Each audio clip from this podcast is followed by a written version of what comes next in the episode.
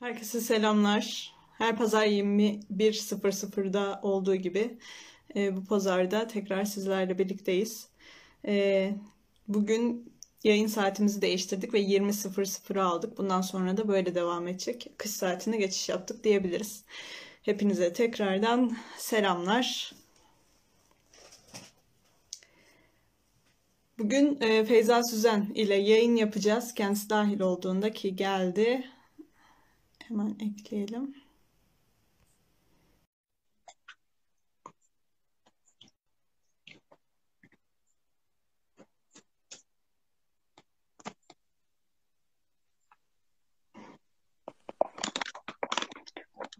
Selamlar Feyza nasılsın? İyiyim. Sen nasılsın?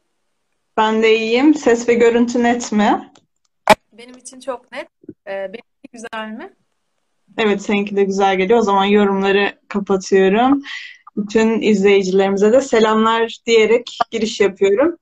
Ee, bugün Genç Akıl kanalında Feyza Süzen ile birlikte boyun eğmeden yaşamak, evde ve işte hiyerarşi konusu hakkında konuşacağız. Çok önemli bir konu çünkü özgürlüğe dair konuşacağız. Kur'an'ın neredeyse tamamında bana kalırsa bahsedilen esas konu özgürlükten konuşacağız. Ee, şimdi e, direkt hızlı bir giriş yaptım Feyza. E, konu konu önemli ve de e, süremiz de az görünüyor. O yüzden e, soruyu sorarak ben bir giriş yapmak istiyorum izninle. Biz bu konuyu neden seçtik e, ve de bizim için sence bu konunun e, önemi nedir? Ee, teşekkür ederim Rana'cığım bu arada beni davet ettiğin için. İnşallah çok yararlı bir e, yayın olur. Bence de çok e, neden seçtik? Aslında dediğimiz gibi ya bu çok önemli bir konu ve çok hayatın içinden bir konu. Hepimizin karşılaştığı bir konu. O yüzden aslında evde ve işte olarak e, ayırmak istedik. Çünkü hiyerarşi dediğimiz zaman genel genel olarak e, iş ortamını hayal edebiliyoruz ya da bir devletle alakalı bir şey düşünebiliyoruz ama e, çalışmayan insanların da evin içerisinde ya da e, yani birçok yerde karşılaşabildiğimiz bir şey bu makam e, makamın baskısı. Ve şunu da söylemekte bence yarar var Rana. Ee, bizim eleştirdiğimiz hiyerarşi e, tabii ki de baskıcı ve biraz ilahlık taslayan bir hiyerarşi. Ee, yoksa adil yöneticilerin olması e, keşke olsa yani adil yöneticiler olabilir. İş paylaşımı her e, yerde birçok yerde gerekebilir. E, ama bizim eleştirdiğimiz aslında biraz ilahlık taslayan e, ve adaletin önüne geçen bir hiyerarşiden bahsediyoruz. Ee, ve bence Müslümanlar için bu konunun çok önemli olmasının sebeplerinden birisi e, dediğim gibi adaletten uzaklaştırıyor olması. Ee, yani genel olarak hiyerarşi bizden e, kendimiz olmamızı değil, fikirlerimizi açıkça savunmamızı, belki bazı şeyleri reddetmemizi değil, tam tersi onların istediği e, prototiplere dönüşmemizi istiyorlar. Onların istedikleri insanlar olmamızı istiyorlar e, bunu iyi niyetle bile yapsalar e, bu yanlış ve kesinlikle de gelişimi e, hem toplumsal anlamda hem kişisel anlamda gelişimi çok ciddi bir şekilde baltaladığını düşünüyorum ben. Ee, bir de bu soru çerçevesinde şeye de örnek verelim. Yani evdeki hiyerarşiye bir örnek verelim. Ee, ben küçüklüğümden beri şeyden çok rahatsız olurdum. Ee, mesela yaş birisi bizden daha yaşça büyük olduğu için mesela onun fikirlerini sorgulamamak ya da onları e, ya ben böyle düşünmüyorum demek e, bir saygısızlık örneğiydi. E, ve gerçekten de birçok insan bundan hiç hoşlanmaz. Özellikle büyüklerimiz vesaire. Hatta hala geçerli olan bir konu bu. Ya, saygısızlık olarak Halbuki e, ya bunu çok güzel bir şekilde de söylesen bu bir saygısızlık yani birçok insan için. Ee, ve dediğim gibi yani biz gerçekleri konuşamadıkça mesela bu kişi hani yaşça büyük olup da çok haksız olabilir, çok yanlış bir şey söylüyor olabilir, çok kalabalıkta çok yanlış bir şey söylüyor olabilir ve bunlara e, en güzel şekilde karşı çıkmak gerekebilir yani biz Müslümanlarca e, ve gerçeğe ulaşmak için dediğim gibi gelişebilmek için e, bunlara birazcık hayır demek gerekiyor. Kesinlikle katılıyorum. Aslında biz özgür olmadığımız müddetçe şöyle bir gerçek ortaya çıkıyor. dediğin gibi şekillendirilmeye başlanıyor ve de e, aklıma şu film geldi. Hatta Charlie Chaplin'in Modern Zamanlar diye bir filmi vardı. E, orada özellikle modern insanın nasıl da şekilden şekile sokulduğu e, ve de sürekli bir yere yetiştirilmeye çalışıldığından çok güzel bahsediyor. E, aynı zamanda bir komedi. E, o dönemin işte sessiz filmlerinden biri. E, şimdi biz şunu görüyoruz ki Allah her insanın içine farklı bir potansiyel koymuş. Ben bunu esasen e, süper güçlere benzetiyorum. Daha doğrusu her bir insan süper kahraman olabilir aslında. Yani şöyle, mesela fillerin farklı özellikleri var, zürafaların farklı, karıncaların farklı. Onları hayatta tutmak için farklı farklı özellikleri var. Ancak eğer ki biz fil gibi yaşatılmaya çalışıyorsak, oysa ki bir karıncaysak çok zorlanırız. Veya bir balıksak ancak uçmamız bizden bekleniyorsa işte o zaman e, o sınırları istesek de biz e, aşamayız. E, yani her birimiz kendi içimizdeki potansiyelleri eğer ki gerçekleştirmek istiyorsak ki Rabbimizin bizden isteği bu. Çünkü her birimize farklı bir tohum verdiğine ben inanıyorum. Bizim bunları gerçekleştirebilmemiz için birine bağlı olmaksızın özgür olmamız yani boyunduruk altında olmamamız gerekiyor. Rosso'nun bununla ilgili bir e, sözü var. Toplum Sözleşmesi kitabında bahsediyor. Orada diyor ki insan özgür doğar oysa her yerde zincirlere e, vurulmuştur diyor. Bu yüzden de özgür olmamız gerekiyor. Şimdi ikinci sorumla devam etmek istiyorum. Konu, konunun önemini e, her ikimiz de anlamış olduk. Seyircilerimiz de umuyorum ki e, farkına varmışlardır bizimle birlikte. Şimdi boyun eğmeden yaşamak ne anlama geliyor? Yani özgürlüğü biz e, nasıl tanımlandırabiliriz? Ee, şöyle düşünüyorum ben bu konuda. Aslında iki taraflı düşünüyorum. Yani sanki bunun e, iki kanadı varmış gibi. Birincisi biraz daha pratik bir e, tutsaklık. Diğeri ise zihinsel bir tutsaklık. Ee, önce pratik tarafından bahsedelim. Özellikle günümüz için konuşursak, e, pratik tarafı dediğim aslında en basit tabiriyle hani bir e, zindana atılmak, bir hapse atılmak aslında bir pratik bir kısıtlanmak ama e, bence işte günümüz e, az önce verdiğin Charles Chaplin örneği bence çok güzeldi. Modern en büyük özgürlüğü aslında tek tipleştirilmeye çalışması. Ve dediğin gibi hepimiz farklı tohumlarız, hepimiz farklı yeteneklere sahibiz. E, ve Allah e, Tekasür suresinde e, bize şunu söylüyor. Size verilen nimetlerden sorgulanacaksınız diyor. Bize verilen nimetlerden bir tanesi de Allah'ın bize verdiği yetenekler. Allah'ın bize süslediği yetenekler. Güçlü yanlarımız. E, bununla ilgili çok güzel bir e, kimin de Aristo'nun e, bir lafı var. E, güçlü yönlerine odaklan. Hayat e, zayıf yönlerini güçlendirmek için çok kısa diyor. E, bu tabii ki zayıf yönlerimizde hiçbir şekilde dikkate almayalım demek değil. Ama şuna vurgu yapmaya çalışıyor aslında. Bizler bize e, Allah'ın bize verdiği yetenekleri kullanarak bu hayatta bir şeyler üretmemiz gerekiyor. Çünkü Allah bize bunları soracak. Allah bize verdiği nimetleri soracak. Mesela şöyle bir örnek verebiliriz. Ben bu örneği vermeyi çok seviyorum. Ee, mesela empati yeteneği, gelişkin bir insan düşünelim. Allah ona empati yeteneği vermiş değil mi? Ee, bu insanın bu yeteneği kullanmakla ilgili biz çok ciddi bir sorumluluğu oluşuyor. Ee, ve gerek yani evin içerisinde bile bu yeteneğini kullanarak aslında ıslah edici işler yapması gerekiyor. Ve bence tam olarak potansiyelini kullanmak, potansiyeli ulaşmak böyle şeyler. Ee, tabii ki burada önemli olan şeylerden bir tanesi insanın kendini tanıması. Yani bence en başında gerçekten ben bunu yani Müslümanlar için e, aslında herkes için olabilir tabii ki ama e, bir görev olarak görüyorum. Kendi güçlü ve zayıf yanlarımızı bilmek. Yani buna ciddi anlamda farkındalığımızın olması, buna hakim olmamız gerekiyor bence. Kullanarak e, dediğim gibi kendimizi gerçekleştirebilmemiz gerekiyor. Empatisi yüksek insanın da o kendi evinin içerisinde çok basit bir örnek vereyim. E, annesiyle babası tartışıyor ve ikisi de ayrı odalara gidiyorlar. E, belki ikisi de zor zamanlar geçiriyor. Bir şekilde çözemiyorlar, iletişim kuramıyorlar. Empati yeteneği yüksek insan onların neye, o an neye ihtiyaç duyduklarını, neden böyle bir tartışma yaşadıklarını onlardan daha iyi görebilecektir. Ve bir ara, bul, ara buluculuk yapabilir mesela. O anda bunu gelecek bir kapasitesi vardır. Ve bence bunu yapması da gerekir. E, ya böyle küçük şeyler de aslında çok ıslah edici şeyler. E, ve dediğim gibi potansiyelimize ulaşmakla e, Allah'ın verdiği potansiyeli kullanarak aslında şükretmekle e, çok alakalı. Biliyorsun şükretmek karşılık vermek demek.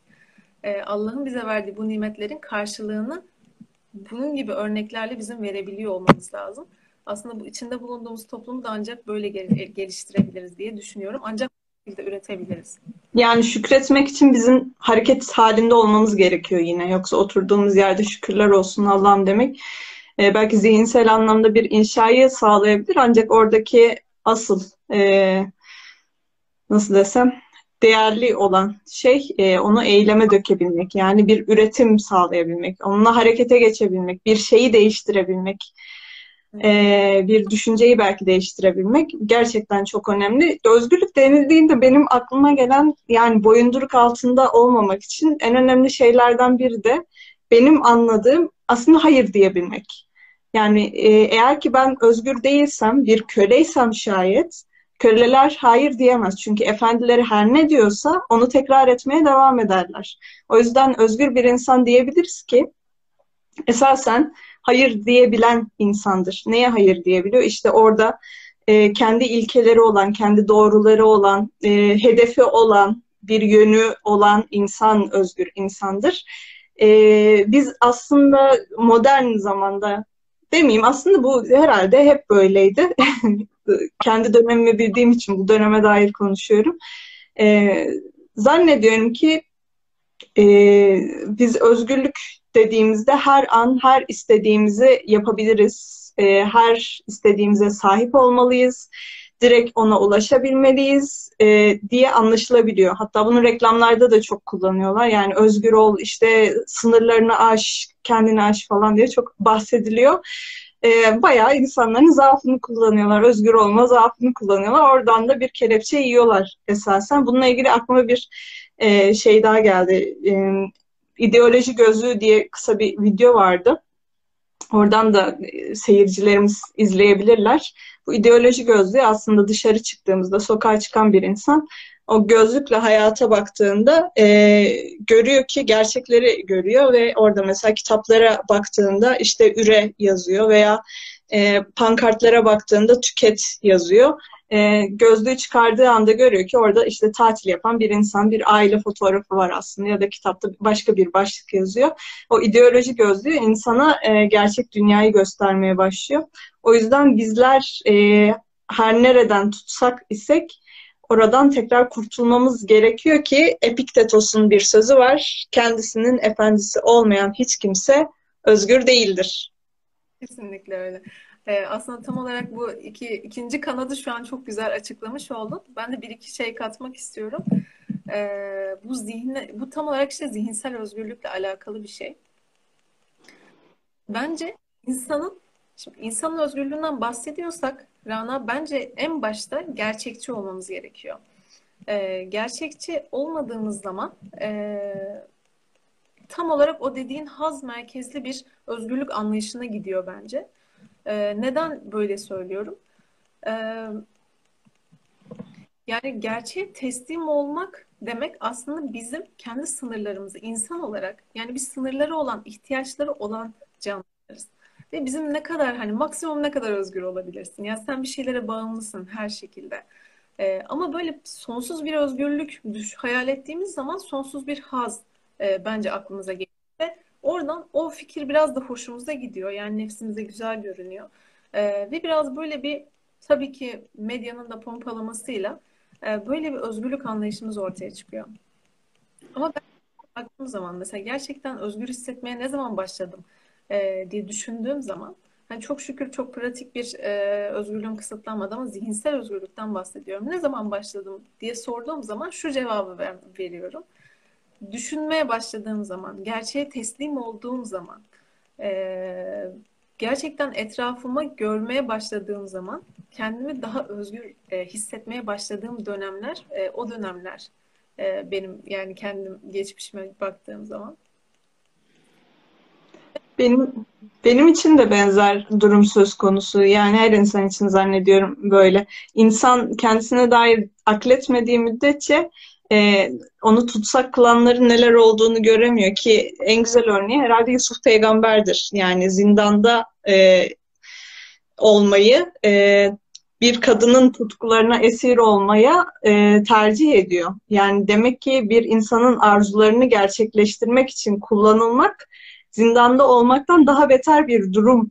Yani bu o kadar güzel bir örnek ki Yusuf Peygamber bunu o kadar net, o kadar açık bir şekilde anlamış ki hepimize örnek. Yani demek ki e, biz başkalarının e, arzuları artık her neyse ona bir araç olmak için yaratılmadık her birimiz. Ve demek ki zihinsel özgürlük çok daha önemli pratik özgürlükten. Bu da çok güzel bir örnek, Yusuf'un örnekliği. Çok Yani doğru yani hapiste. Hı hı. pratik tutsaklığı tercih ediyor. Yani zihinsel olarak böyle bir şeye hani aslında o, o da istiyor bunu. Hani Kur'an'da Allah'ın söylediğine göre. Ama e, bunu reddederek aslında zihinsel özgürlüğünü tercih ediyor. Yani yanlışa boyun eğmiyor işte orada tam olarak. Çok güzel bir örneklik. Aynen öyle. Ee, şimdi e, bir, biri bir soru yazmış. Bir okuyabilir miyim? Rana hocam deyiminize göre işçilerden boyunduruk altındadır. Yani bir köle midir? Ee, yani Yusuf peygamberin örneğini vermiş olduk.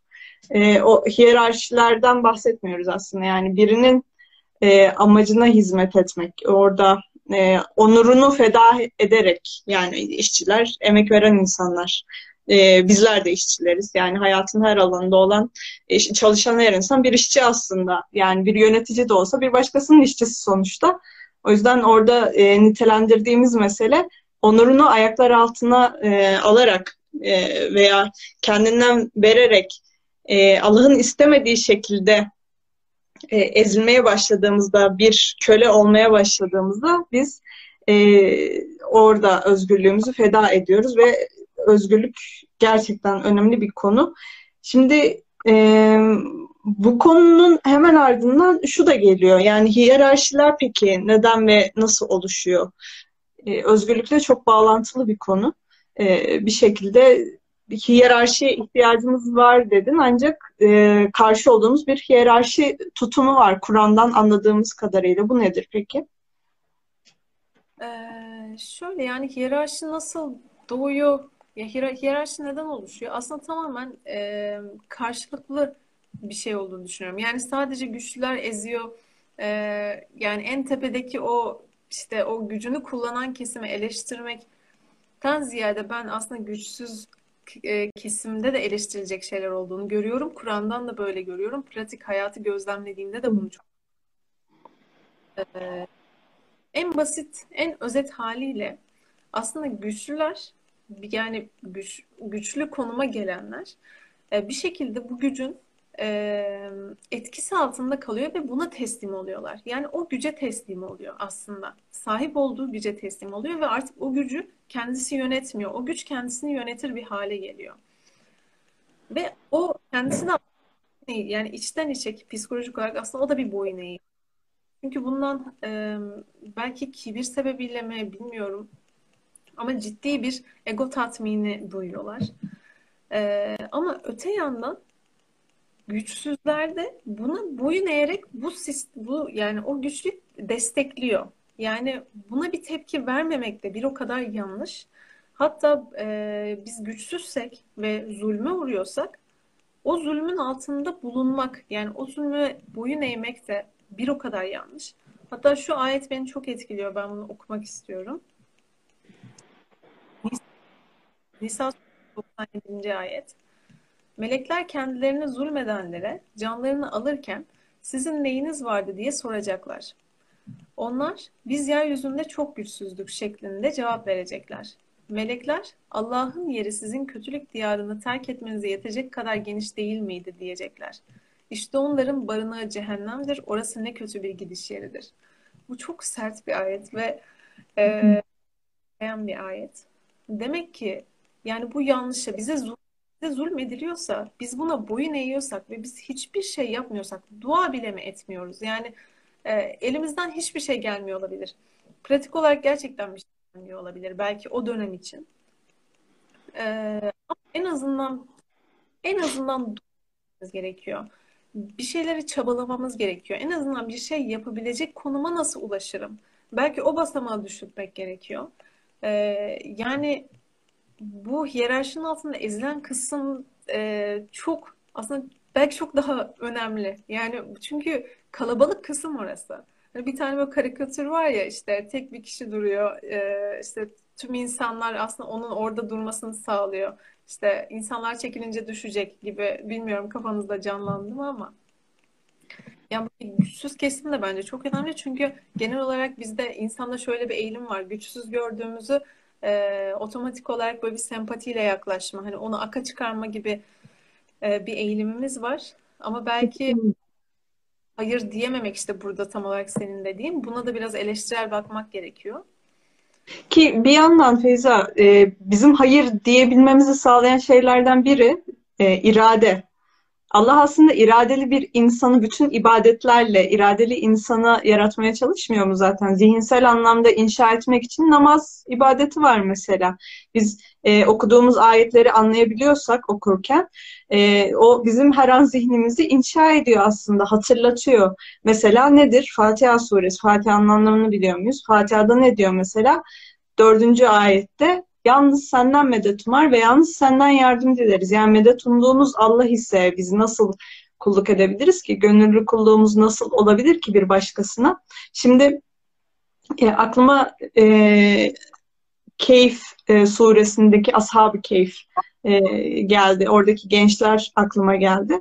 Şimdi e, toplumda bir zulüm hali söz konusu. Onların e, dinini ellerinden almak istiyorlar e, kendileri gibi yapmak istiyorlar veya e, onları ortadan kaldırmak istiyorlar. Onlar işte e, mağaraya kaçıyor. Şimdi normalde mağarada da yakalanabilirler. Ancak Allah artık e, nasıl bir durum söz konusu bilemiyorum ama e, yıllarca onları uyuttuğunu ve sonra zulüm e, hali ortadan kalktığı anda onları uyandırdığını görüyoruz biz. Yani biz yeter ki doğru yol üzerinde olmayı isteyelim Allah bir şekilde yolları gösteriyor veya e, yeni bir yol açıyor bile diyebiliriz. Yani gittiğimiz yolda hiçbir şekilde alternatif yol görünmüyor da olabilir. Ve bunu söyleten de aslında şeytan olabilir. Oysa ki Allah kadir değil mi? Yani her şeye e, kudret edebilecek e, güçte değil mi?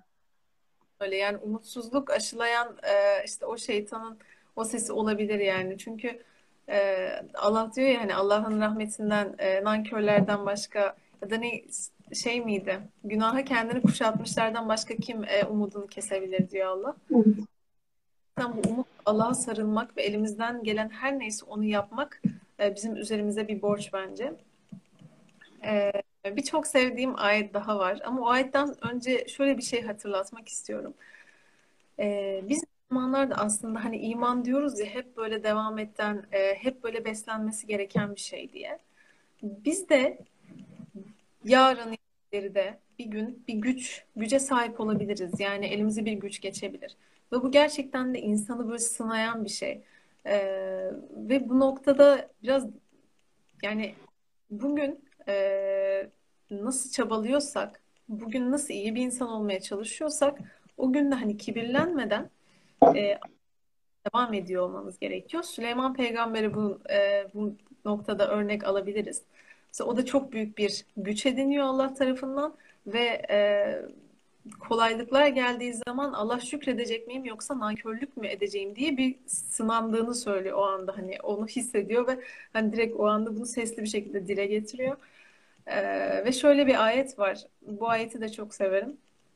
Haç suresi birinci ayette eğer yeryüzünde onları egemen kılarsak salatı ikame ederler, zekatı verirler, iyiliği buyururlar ve kötülükten sakındırırlar. Bütün işlerin sonucu Allah'a dönecektir. Bu ayet ve tanesi yani, e, dünyevi bir güce sahip olsa bile gerçekten inananlar e, iyiliği buyurmaya ve kötülükten sakındırmaya devam ediyorlar. E, inşallah biz de böyle e, Müslüman kardeşlerimizi görürüz ileride diye düşünüyorum. E, bir İnşallah. gelişirken inşallah. E, bu konuyla ilgili e, Laboiti'nin e, bir Gönüllü Kulluk Üzerine Söylev isimli bir kitabı var. Oradan bir pasajı almıştım ben, not almıştım. Onu paylaşmak istiyorum. Halkın özgürlük istencinin yitikliği, tırana karşı halkın direnmesinin ilk zorunlu nedenidir. Bu halkın alçaklığıdır. Tiranlık, insanlık e, ona karşı savaşmadığı için vardır. Siz vermediyseniz nasıl bu kadar çok ayağı, gözü, eli var? E, şimdi az önce bahsettiğimiz o güçsüz olma halinden bahsediyoruz aslında. Burada e, Kadir Hocam'ı daha önce Tarlabaşı Dayanışma'dan davet etmiştik. Onun bir sözü vardı. E, tam hatırlayamadım net olarak ama e, zalimin varlığı mazlumun varlığından kaynaklıdır gibi bir şey söylüyor. Yani mazlum olmadan zalim olmaz. Şimdi biz mazlum olmayı kabul ediyoruz ki bir zalim türeyebiliyor oradan. Yani biz e, ona muhtaçlığımızı e, kabul ediyoruz. Ona daha çok vermek istiyoruz. E, ona bağımlı olduğumuzu kabul ediyoruz. Ve bir süre sonra o gücü daha da e, kendisinde e, arttırıyor aslında. Şimdi şöyle bir durum da söz konusu. Mesela kendi hayatımızı düşünelim. Herkes düşünsün. Şimdi ben e, kendi günahımdan bile emin değilim. Yani Allah bana doğru yolu göstermedikçe, beni ayaklarımı e, sabit kılmadığı müddetçe, ben kendimden bile emin değilken yarın veya bir dakika sonra günahkar olup olmayacağımdan emin değilken nasıl oluyor da aslında kendimi tamamıyla başka bir insana teslim edebiliyorum. Asıl problem bu zaten. Yani Allah istiyor ki biz ona dayanalım, ondan güç alalım ve onunla birlikte yola devam edelim. Ama insan diyor ki hayır ben muhtaç bir varlığım ve bu ihtiyaçlarımı karşılamam gerekiyor. Şimdi biraz daha somutlaştıralım meseleyi. Biz bu hiyerarşileri nasıl oluşturuyoruz? Bu mesela evlilikteki bir hiyerarşi olabilir veya aile içindeki e, anne çocuk, baba çocuk arasındaki bir ilişki olabilir. E, eğer ki ben o işte sevgi ihtiyacından kaynaklı veya diğer e, maddi ihtiyaçlarımdan kaynaklı olarak diğer kişiye her an bağımlı hissetmeye başlıyorsam ve o da benim üstümde güç e, kurmaya başlıyorsa yani o güç gücün tek bir elde toplanmaya başlaması tiranlık anlamına geliyor. Bu siyasi bir kavram. Tiranlık gücün tek bir elde toplanması anlamına geliyor. Ben buna müsaade ediyorum esasen. Yani Kur'an'da da bunu görüyoruz ve e, biz evet dediğin gibi daima mazluma sahip çıkıyoruz. Ancak mazlum zaten mazlum olmayı kabul ediyor. Yani o yola çıkmış mı ki? O üretmeyi denemiş mi ki? O hiç özgür olmayı denemiş mi ki? Burada hep söyleriz ya mesela Ali Şeriat'ın insanın dört zindanında çok iyi, çok güzel şekilde bahsediyor. O kitabı kesinlikle öneririm. Ee, insan aslında e, bağımlı olduğu her şey, her ne ise onu e, ondan vazgeçmeyi göze alıp yola çıktığında özgür olabilir ancak. Yani önce zincirinden kurtulmalı ki yola çıkabilsin. Ancak insanın somut olarak problemi şu ki sahip olduğum şey e, bu ve ben kendimi güvende hissediyorum. E, ancak bunu bırakırsam e, güvensiz bir ortama düşeceğim. Yani burada aslında Allah'ın bana yeni bir nimet vereceğinden şüphe duyduğum için e, ben güvensizlik hissedebiliyorum ve şeytanın da en iyi hilesi bu galiba. Güvensiz hissettirerek e, bizi zincirlerimizden e, kaçmamızı engelliyor diyebiliriz. Kesinlikle. Sen söylerken şimdi aklıma şey geldi. hani mazlum izin veriyor dedin ya. E, mesela psikolojide şey var. Kurban psikolojisi diye bir şey var. İnsan aslında bu e, içten içe sürekli kendini kurban gibi hissetme hali. Ve bundan bir zevk alıyor aslında. Hani sürekli bundan belki diliyle şikayet ediyor ama hani bunu devam ettiriyor. Ben kurbanım, ben kurbanım. Hani birçok e, illaki zihnimizde bir karakter canlanır yani. Bu sürekli şikayet eden, kendinin çok zor durumda olduğunu e, söyleyen e, psikolojide insanlar olabiliyor. İşte bu da tam olarak söylediğin aslında o onun güvenli bölgesi. Yani kur, ben kurbanım diye düşündüğü zaman e, aslında o güvenli hissediyor. Ya zaten benim yapabileceğim bir şey yok diye. Ha evet çok güzel bir konu. Aslında o sorumluluğu başkasına yüklüyor. E, maalesef ve benim de en çok e, insanlardan duyduğum şey e, mesela bir yanlışa karşı e, insanlar konuştuğum zaman ya ya işte şöyle yapmalısın ya da bunu konuşsana hani gidip işte bir adım atsana vesaire dediğim zaman en çok duyduğum şey yine senin söylediğin. Ya yapacak bir şey yok. ya tam onu söyleyecektim. yapacak bir şey yok. yani nasıl yapacak bir şey yok ya? Hani yapacak bir şey vardır yani. Gerçekten ha belki o gün e, düşünürsün düşünürsün gerçekten bir şey bulamazsın ama e, en azından dediğim gibi yani tamam ben şu an hiçbir şey yapamıyorum. Peki ben bir şey yapabilecek noktaya nasıl varırım? Ben bu noktaya nasıl varırım? Allah'ım bana bu yolu öğret. Hani Allah diyor ya Allah'a varacak yollar arayın diye.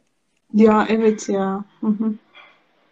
Gerçekten çok önemli bir şey. Yani bu kendini kandırmak, yapacak bir şey yok. Bu kendini kandırmak. Mesela maddi sebeplerle de e, aynı şey çok yapılıyor ve Allah Kur'an'da şey diyor ya hani şeytan sizi fakirlikle korkutur diye.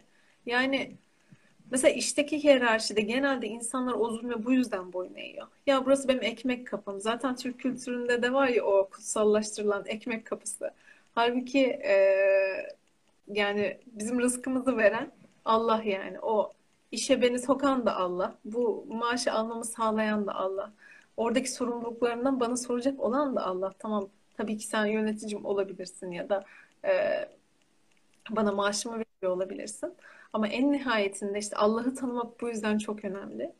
E, Allah'ı tanıyan insan bence gerçek güçlünün kim olduğunu bildiği için e, belki de bu şeylere bu şekilde boyun eğmeyecektir. Yani hep konular hep böyle Allah'ı tanımaya geliyor gibi geliyor bana.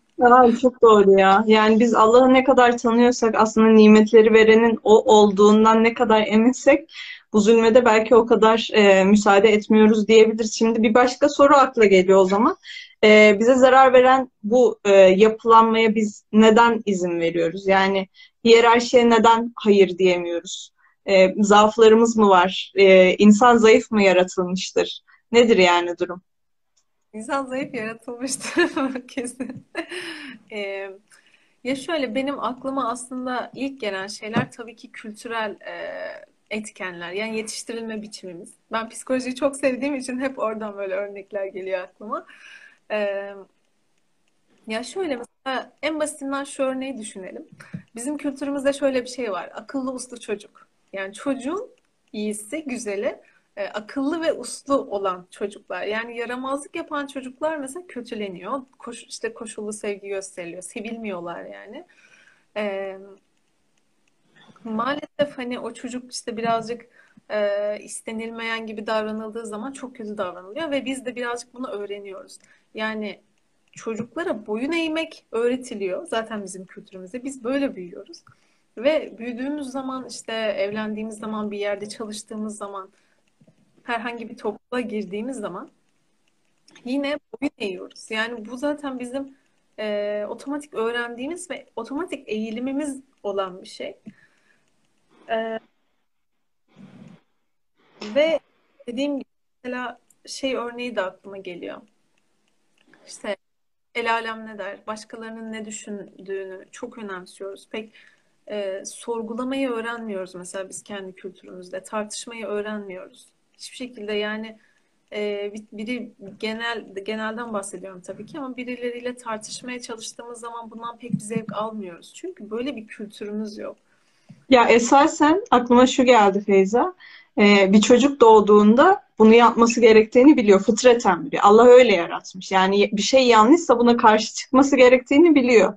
Ancak o çocuk yıllarca susturulduğunda ve susturulduğunda veya e, karşı çıktığında e, farklı tepkilerle karşılaştığında e, bir süre sonra hayır demekten vazgeçiyor ve her şey itaat etmek zorunda gibi hissediyor. Oysa ki yıllar sonra daha özgür, e, nispeten daha özgür çocukluğa kıyasla. Çünkü daha az muhtaç bir varlık gibi görünürken daha bağımlı bir hale sürükleniyor. Yani aman bana bir şey demesinler, aman kaybetmeyeyim, mevcut statikomu, statikomdan vazgeçmeyeyim gibi şeyler ortaya çıkıyor. Hatta George Orwell'ın bir e, sözü vardı. E, baş kaldırmadıkça bilinçlenemezler, bilinçlenmedikçe baş kaldıramayacaklar gibi bir sözdü. 1984'te veya hayvan çiftliğinde bahsediyordu galiba. Yani bizim baş kaldırmamızın koşullarından biri de bilinçlenmemiz. Ama biz nasıl yeniden bilinçleneceğiz? Kur'an'a ne zaman dönüp baksak biz görüyoruz ki orada e, bize özümüzü hatırlatan ayetler var. As, aslen ne olduğumuzu tekrar bize hatırlatan ayetler var. Kur'an bu yüzden çok değerli zaten. Allah diyor ya e, yeteri kadar bu değeri vermiyorsunuz bu Kur'an'a diye. Bize eleştiriyor, kızıyor haklı olarak. Aynen öyle. Ee, şu ayetten bahsedebiliriz. Aklıma o geldi sen konuşurken. Ee, Allah mesela sadece ondan çekinmemiz gerektiğini söylüyor. Ee, bizim kültürümüz içerisinde sadece Allah'tan çekinmeyi öğrenmek ki bence çocukluk dönemlerimiz kaynaklı bu öğrenme, öğrenmemiz gereken bir şey. Ee, kolay olmayabilir. Ama dediğin gibi bu zaten bizim fıtratımız ve biz bunu yapmadıkça zaten acı çekiyoruz aslında. Biz bunu yapmadıkça geçici şeylere bağlanıyoruz. İşte artık ne gözümüzde ne güçlü görünüyorsa yani bu güç güç konusuna çok değinmek istiyorum. Çünkü çok önemli olduğunu düşünüyorum. Ee, gözümüzde ne güçlü görünüyorsa yani mevki olabilir, para olabilir, e, çocuklarımız olabilir. Hani bunlara bağlanıyoruz. Ve bu zaten şirk dediğimiz şey. Ve ben hiyerarşiyi besleyen en önemli şeylerden biri de parayı, paranın şirk koşuluyor olması. Yani mevkinin e, şirk koşuluyor olması. Yani genele baktığım zaman insanlar her insan bir şeylerin peşinde koşuyor. E, her her insan bir şeylerin e, bir şeyler için çabalıyor ve yoruluyor ve bir şeyler için zorlanıyor. Ama ne için?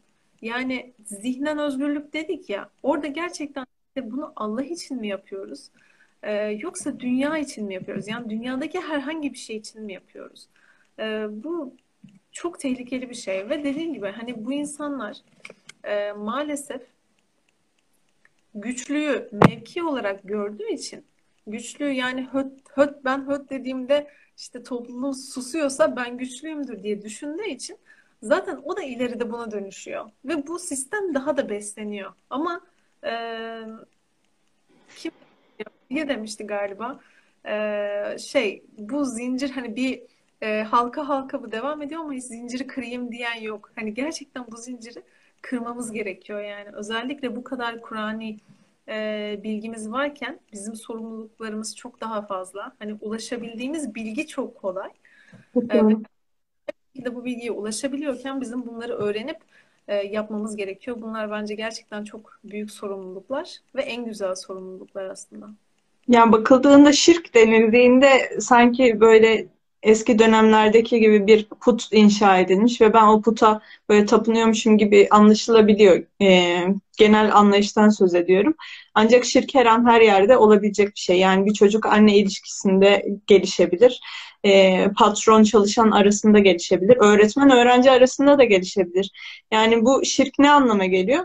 Biz aslında e, mesela çocuk e, ve öğretmen ilişkisini düşünelim. Aslında eşitler. Yani Allah öyle yarattı çünkü. Biri diğerinden üstün değil. Hatta Allah diyor ya mesela yeryüzünde böbürlenerek yürüme. Sen ne yeri yarabilirsin ne de boyca dağlara ulaşabilirsin diyor.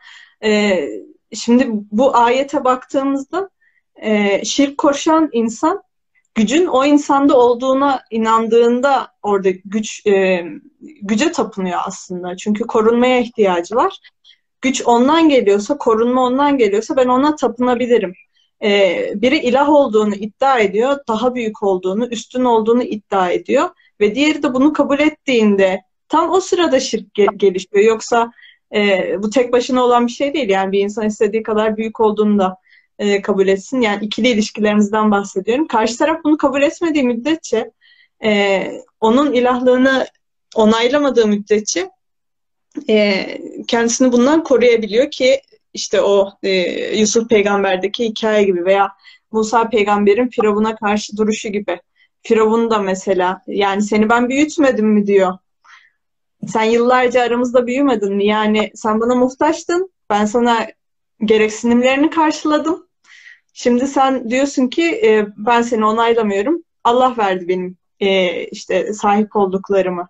Yani bu mesela e, özellikle toplumda gördüğüm o aile ilişkilerinde çok görünen bir şey veya karı koca arasında da olabilen bir şey.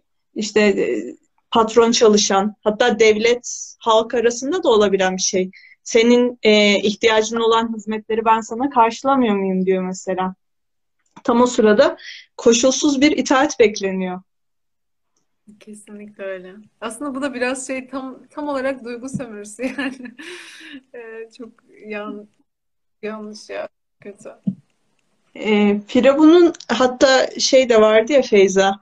Firavun'un karşısında duran insanlar yani Musa'ya e, Musa'nın e, Musa Allah'ı anlattıktan sonra Allah'a iman etmiş olan insanlar doğruyu seçtiğinde e, Firavun onları korkutuyor. İşte çaprazlama olarak kollarınızı ve bacaklarınızı keseceğim diyor. Bir korku ile tekrar yönetmeyi istiyor aslında. E, senden sahip olduklarını elinden alırım diyor. Oysa ki onu veren zaten en başından beri sen değildin. Gibi bir şey aklımıza gelebilir. E, burada bir başka soruyu daha sormak istiyorum ben. Şimdi biz mesela her alanda e, şöyle diyebiliriz. E, her alanda aslında bir şekilde zincirlere e, zincirlendiysek bir yandan da özgürlüğü de bir o kadar istiyoruz. Yani fıtrat olarak da bunu istiyoruz. Özgürlüğe kavuşmanın bir yolu, yöntemi var mı peki? Yani Kur'an'dan alabileceğimiz dersler var mı bu konuyla ilgili? Aslında en güzel örneği e, sen en başta verdin Yusuf örneğiyle. Yani en önemlisi bizim için zihnin özgürlüğü. Ve zihnin özgürlüğü için en başta e, yani özetle bence akletmek gerekiyor. Allah'ın defalarca emrettiği.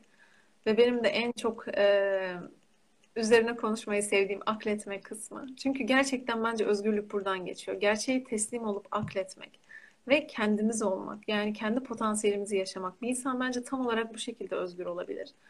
Ama e, dediğimiz gibi yani kendi yeteneklerimizi gerçekleştiremiyor bile olsak zihnen bizim özgür olmamız lazım. Zihnen bile e, yani sadece Allah'a dayanıp güvenebilmek gerekiyor. Ve bence imanın e, insana en büyük kattığı özgürlüklerden birisi çaresizlik hissini e, neredeyse yani ortadan kaldırması. E, ben mesela Allah'ı e, yani Allah'a yöneldikten sonra Allah'a kul olmaya çalıştıktan, çalıştığım zamanlardan beri gerçekten bir çaresizlik duygusu içerisinde çok kıvranmıyorum. Hani bazen yeri geliyor gerçekten mesela kafamda ihtimaller tükeniyor. Hani zorlanıyorum bir insan olarak vesaire ama o çaresizlik duygusu çok önemli. Ama şöyle bir sıralama yapabiliriz. Bence en başında yani bu bu tip bir hiyerarşi altında bir zulüm görüyorsak e, buna nasıl davranmamız gerekiyor? Bence en başında bir farkındalık gerekiyor. Bir kendimizi sorgulamamız gerekiyor.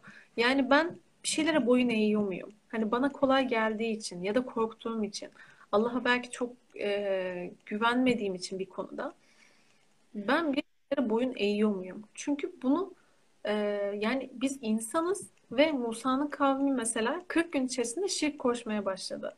Yani biz çok içerisinde düşebiliriz. Ve e, kendimizi gündelik hayatımızda sürekli bence e, sorgulamamız gerekiyor. Yer yer bunları sorgulamamız gerekiyor. Farkındalığımız oluştuktan sonra bence ilim yani bilgi seviyesi çok önemli. Senin dediğin hani bilinçlenmedikçe özgür olamayız dedin ya. Bilgi çok önemli. Yani ne iyi ne yanlış. Sınırlarım neler? Yani ben tam etrafımın farkındayım. Kim bana nasıl davranıyor? Ben neler yapıyorum? Ee, insanlarla olan ilişkilerimin farkındayım. Belki ya da nesnelere yüklediğim anlamların farkındayım ama e, bunun doğrusu yanlışı nedir? Burada bence Kur'ani bilgi çok önemli. Çünkü doğru yanlış, daha doğrusu iyi kötüyü e, belirleyen tabii ki Allah'ın yasası. E, ve bunları sahiplenmek Allah'ın değerlerini sahiplenmek e, ve Allah'a güvenerek bir yöntem seçmek. Yani etrafıma farkındayım. Neyin iyi neyin doğru olduğunu biliyorum. Allah'a güveniyorum. Bu değerlere iman ediyorum. Ve şu anda benim en akıllıca bir yöntem seçmem gerekiyor. Bununla başa çıkabilmek için düşünmem gerekiyor. Yani hani bir Müslüman bence en güzel şekilde savaşandır karşısındaki problemlerle. Ee, bununla en güzel şekilde nasıl başa çıkabilirim? Belki çok güzel bir üslupla ben bununla başa çıkabiliyorumdur. Çok güzel e, karşımdaki insan belki beni çok anlayacak. Ben o konuşmayı yapmaya çok korkuyorsam bile. Belki çok güzel bir şekilde beni anlayışla karşılayacak. Ama belki biraz daha e, direkt bir yöntem belki biraz daha resmi bir yöntem seçmem gerekecek. Belki bir şeyler riske atmam gerekecek. Belki maddi yönden sıkıntıya girmem gerekecek. Ama doğrusu ne? Benim ne yapmam gerekiyor? Ee, orada belki de çok acele etmeden akıllıca bir yönteme başvurmamız gerekiyor. Bu boyunduruk, boyundurukla e, kurtulmamız gerekiyor ve Allah'ın yardım edeceğini düşünüyorum bunları yapan bir insana. İnşallah. Yani e, mesela özgürlük olduğunda e, en sevdiğim ayetlerden biri de e, Zümer 29. E, Allah bir örnek veriyor. Birbirleriyle geçinemeyen ortaklara bağlı bir adamla yalnızca bir kişiye bağlı bir adam bu ikisinin durumu aynı olur mu? Allah'a övgüler olsun. Hayır, onların çoğu bilmez. Şimdi hayal edelim tasavvurumuzda. E, kendi yaşamımızı düşünelim. Şimdi biz bir şey yapmak istiyoruz. Biri diyor ki hayır şu şekilde yapmalısın. Diğeri diyor ki hayır bunun yöntemi budur. Şu yoldan gitmelisin. Hayır bu yöntem daha mantıklı. Çok fazla kalabalık var aslında. Gürültü. Bir gürültü hali. Bu gürültü halinde huzursuzluk olarak nitelendirebiliriz. Gürültü arttıkça huzursuzluğumuz artıyor. Allah diyor ki sadece tek olan Allah'ın sesi ile hareket et. Yani yol boyunca onunla yürü. Bu nasıl mümkün olacak peki? Yani ben doğruyu yanlıştan dediğin gibi Kur'an ile ayırt edebiliyorum. Ki Kur'an için de Allah e, bu sıfatı yakıştırıyor. Ne yazık ki, ne yazık ki yani kitabın e, anlaşılmayan dilde okunmasının daha sevap olduğu yıllarca anlatıldığı için e, böylesine önemli bir kitap insanlar buluşamamış böylesine önemli bir kitapla ve buluşulması da istenilmiyor ki bunun en önemli nedenlerinden biri de işte insanların özgürlüğüne kavuşacak olma korkuları ki Muhammed Peygamber'in de e, yaşadığı en büyük sıkıntılar bundan kaynaklıydı. Çünkü o dönemde yine e, bu dönemde olduğu gibi dinden para kazanan insanlar vardı ve o yalnızca para da değil, şöhret de olabilir, şan da olabilir.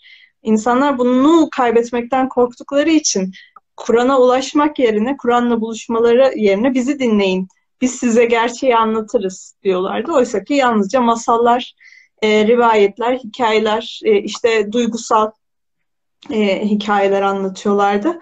Yani her Ramazan bizim de dinlediğimiz şeyler oluyor mesela. Daha çok insanları duygusal olarak e, ajite eden, e, mantıklarını kesinlikle e, kullanmalarını sağlayacak cümleler değil de duygusal olarak işte onları üzen, hep böyle ölümden bahseden, dehşet verici, korku verici meselelerden bahsediyorlar. Bununla ilgili ne düşünüyorsun? Ya bununla ilgili aslında söylediklerin e, yani çok önemli şeyler iyi ki söyledin e, şu anda. Ya burada da aslında ben yine şunu gördüm hani bir grup e, belli bir hani makamı yakalamış birileri var. Hani din adamı olabilir isimleri. E, yani bu buradan bir güç alıyorlar.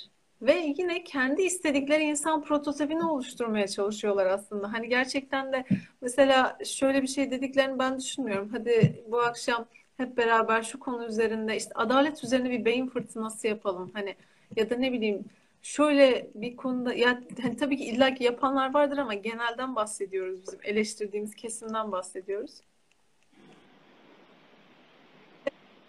Yine tek tip bir insan prototipi var. Bu böyledir. Tamam bunu al geç. Hani sorgulama geç. İşte şu şöyle bunu al geç. Hani bu aslında çok zararsız işte mazlum bir kesim yaratıyor. Boyun eğ, boyun eğen bir topluluk yaratıyor. Resmen şey hani e, işte Allah diyor ya hani akledin hani bu yayının başında da söyledik mesela bize verilen nimetlerden bazıları bizim yeteneklerimiz. Benim bu yetenekleri kullanabilmem gerekiyor. Ve bunları kullanabilmek için toplum içerisinde bulunmam gerekiyor. Yani aktif olmam gerekiyor. Ama hani onların e, genel olarak bu tip topluluklar yarattığı baskılarla ya da işte bey, beyni uyuşturarak bunu engelliyorlar aslında. Yani aslında toplumun gelişimini engelliyorlar. Ki zaten bunu çok umursadıklarını umursuyorlar mı bilmiyorum. Ee, e, e, mesela şey de aklıma geldi Feyza. Ee, en başta konuştuğumuz konu vardı ya işte aslında zalimi oluşturan şey mazlumdur.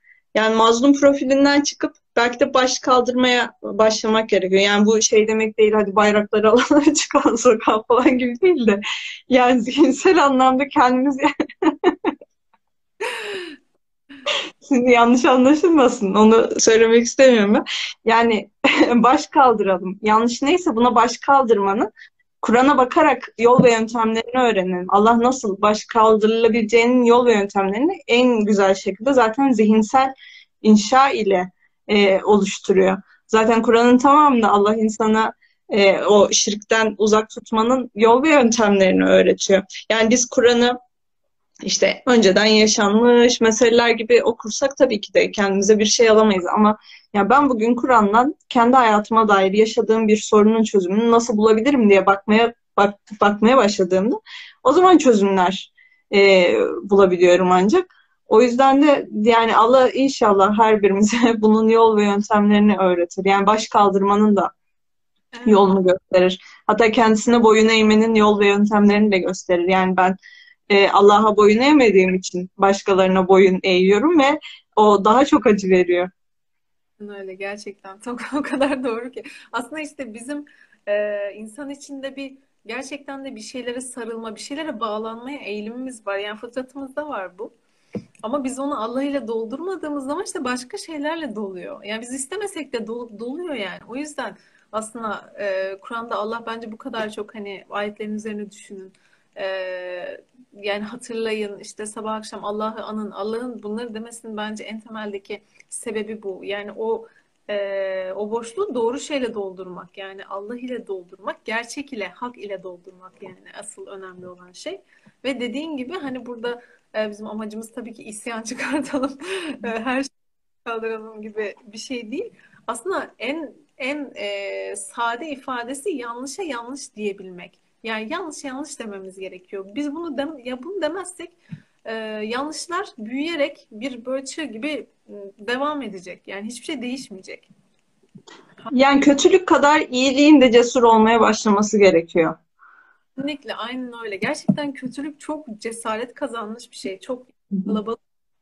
Ee, ve yani onlar zaten rahatlıkla yapıyor bunu. Çünkü kültür o zaten. Hani kültür buna hakim. Sen hani iyi bir şey yapmaya çalıştığın zaman insanlar işte bize dalga geçebilir ya bu da neyle uğraşıyor diyebilir.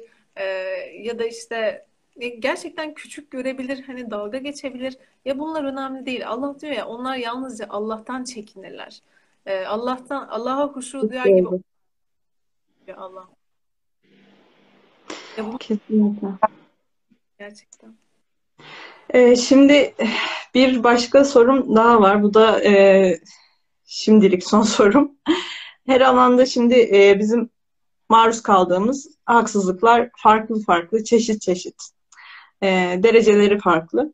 Biz haksızlıklara karşı nasıl bir tutum sergilemeliyiz peki sence? Yani nasıl dur diyeceğiz? Hayır bunu yapamazsınız mı diyeceğiz? E, işte ben bunu hak etmiyorum mu diyeceğiz? Bayraklarla sokağa çıkacağız? Aynı örnekten devam edeyim. Yani nasıl yapacağız? Bunun yolu yöntemi nedir? Ee, ya bunun yolu yöntemi tabii ki hani e, biz her zaman çok dikkat etmemiz gerekiyor ve mümkün olduğunca yani mümkün olduğunca güzel bir üslup takılmamız gerekiyor ama bence bu tavır, e, üslup e, olaydan olaya, duruma göre değişir diye düşünüyorum. Yani ki uyarının e, şiddeti değişir ya da uyarının yeri değişir. E, yani ortadaki zulüm, ortadaki yanlış ne kadar büyük? E, mesela insanlara zarar veriyor mu? İşte yani kim ne kadar etkiliyor, kimi ne kadar etkiliyor, toplumu ne kadar etkiliyor. E, bunlara göre bence e, yani iyiliği önermek, kötülükten sındırmak geçiyor inananlar için. Bu yüzden e, yani olaylara göre, durumlara göre gerçekten birazcık e, değiştirmek gerekebiliyor. Yani kimiyle bir şekilde konuşabiliyorsun ama başka biriyle o, o, o şekilde konuştuğun zaman biraz ters tepebiliyor. E, biraz belki o yüzden hani konuşma, hitap e, şekillerimizin önemli olduğunu düşünüyorum. Yani şu şu bence çok doğru bir yaklaşım değil. Ben e, ya ben doğruyu söylüyorum. Nasıl söylediğimin hiçbir önemi yok. Ben zaten haklıyım. E, ben eskiden böyleydim. o yüzden şu an kesinlikle katılmıyorum. E, ya eskiden mesela söylediğim şeyin doğru olduğuna inanıyorsam nasıl söylediğime ya hani tabii ki bağırmasam bile hani çok fazla şey yapmıyordum yani hani o kişiye nasıl yaklaştım, o kişinin ruh hali neydi de ben e, ona o anda doğru mu yaklaştım acaba diye pek bakmıyordum. Ama bence bir Müslüman üslubu çok önemli. Karşı tarafı doğru şekilde etkilemek çok önemli. E, ya konuşmak gerçekten bir sanat yani. O insan ilişkilerinde de bir sanat. E, ve dediğim gibi yani bu kötülüğün derecesine göre değişecek bir şey. Yani küçük bir şeyse zaten o anda bile hemen uyarabilirsin. E, veya insan başkalarına zarar veren bir şeyse o anda hani gidip çok güzel bir şekilde e, uyarmak yani bunun pek karşı tarafı etkileyeceğini düşünmüyorum. Hani bir örnek verelim mesela e, sokakta işte bir kadının çocuğuna atıyorum şiddet uyguladığını ya da bir adamın hani eşine şiddet uyguladığını gördüğümüz zaman buna gidip böyle çok tatlı bir dille uyarırsak bu adam bizi kesinlikle ciddiye almaz öyle böyle bir anda. Belki biraz hı şekilde hani e, belki sesimizi yükselterek uyarmamız gerekebilir. Bunlar bence doğal şeyler. Ama bunların haricinde e, dediğim gibi mümkün olduğunca hani güzel bir dil kullanmak gerekiyor. Ama şiddetin ve zulmün boyutu arttıkça da Müslümanların bence ciddi hani dik bir duruş sergilemesi gerekiyor. Hani sürekli böyle e, yani teletabiler gibi de hani yaşayamayız çünkü hayatta bazı çok ciddi yanlışlar var. Çok ciddi var ve bunlara da maalesef seyirci kal kalmak zorunda kalıyoruz bazen. Ama elimizden bir şey geliyorsa da o noktada Müslümanların çok dik durmaları gerektiğini düşünüyorum. Hatta Kur'an'da tavsiye edilen şeylerden biri belki son aşamada oradan hicret edilmesi, mekanın değiştirilmesi, yerin değiştirilmesinden de bahsediyor mesela. Tabi bu zannediyorum son aşamada belki olan şeylerden biri. Önce bir mücadele hali söz konusu, denemek, çabalamak. Yani insan da onu biliyor zaten ne zaman gerçekten ben denedim ve yapabileceğim bir şey yoktu diyebiliyor. Zaten Allah peygambere bile hani şey diyor e, o halde onlardan yüz çevir diyor. Yani peygamber tebliğini gerçekleştirdikten sonra çabasını gösterdikten sonra artık bir noktadan sonra o da yüz çeviriyor. Yani tamam hani ben üzerinizde bir zorba değilim diyor. Hani bazen de gerçekten yapacak bir şey yok. Ee, ama en bir de savaş durumundan da bu e, noktada söz edebiliriz. Mesela Allah gerçekten e, ciddi bir zulüm da mesela bizi savaşı emrediyor. E, bu, bu toplumlar emrediyor. E, bence bu da çok e, önemli bir yani hatırlatılması gereken bir şey. Evet kesinlikle öyle. Yani yer değiştirmek, belki e, savaşmak, belki söylemek, değiştirmek için çabalamak ki e, Muhammed Peygamber'in yaşadığı e, o hal içerisinde e, savaşı e, emrettiğinde zaten durum olabildiğince zorlaşmıştı. Yani inanmayan insanlar veya müşrikler diyeyim e, onlara hayat hakkı tanınmaz hale getirmişlerdi durumu. E, mekanı değiştirdiğinde ise yine zihnini inşa etmeye de devam etti bu arada. Yani tamam artık yapacağım bir şey yokmuş gibi değil de yeni çözüm yollarıyla, yeni e, farkındalıklarla acaba ben bu durumu değiştirmek için ne yapabilirim tekrar zihninde e, üretmeye çalıştı. Çünkü bazen o an oluyor ki e, biz e, mekandan uzaklaşmadıkça e, yeni bir çözüm yolu bulamayabiliyoruz. Alternatifleri göremeyebiliyoruz. Çünkü sıkışmış olabiliyoruz. Yani bu her an böyle bence. Her ilişki için geçerli. Yani devlet, halk içinde anne, baba, ve işte e, karı koca arasındaki ilişki, arkadaşlık ilişkisi. Eğer olmuyorsa biraz uzaklaşmak ve yeni alternatifler aramak gerekebiliyor galiba. Peki Feyza, e, son olarak şimdi yayınımızın sonuna e, geldik. Özgürlükle e, ve e, boyun eğmeden yaşamakla ilgili paylaşacağım başka e, düşüncelerinde var mı? Onu sormak istiyorum son kez. Ee, benim başka değinmek istediğim e, bir şey söz konusu değil. Sadece şunu tekrar hatırlatabilirim. Belki biz de Müslümanlar olarak ara ara hani gerçek güçlü kim? Hani benim zihnimde gerçekten güçlü olarak gördüğüm şey e, ne diye arada bir gözlerimizi kapatıp belki kendimizi sorgulayabiliriz. Çünkü dediğimiz gibi biz de bu yanlışlara düşebiliriz. E, belki de fark etmeden düşüyoruz, bilmiyoruz yani. İnşallah e, en güzel şekilde e, erdemli, takvalı olabiliriz.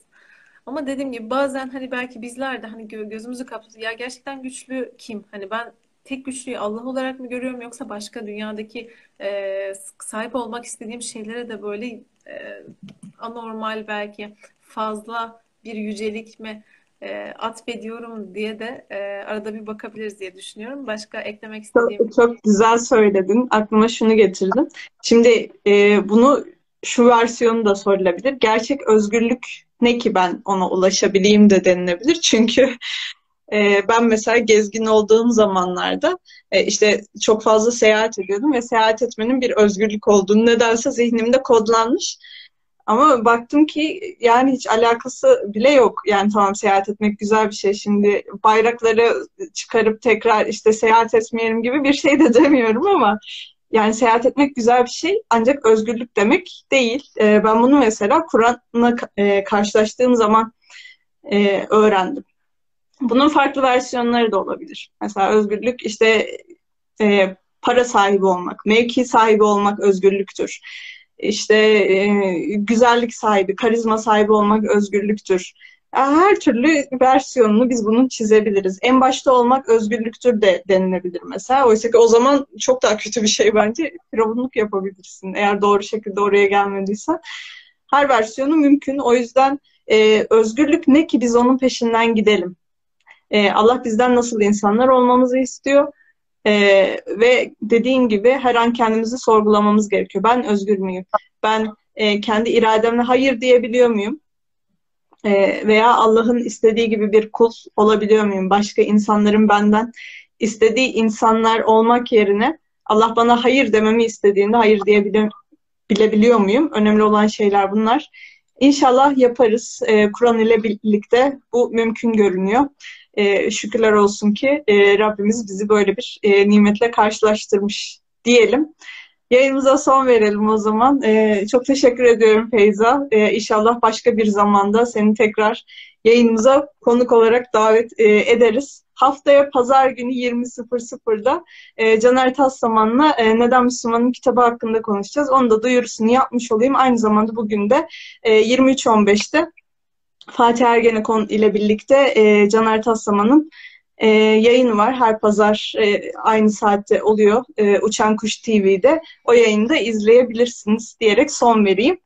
E, iyi akşamlar diliyorum o zaman. Akşamlar. Hoşçakalın.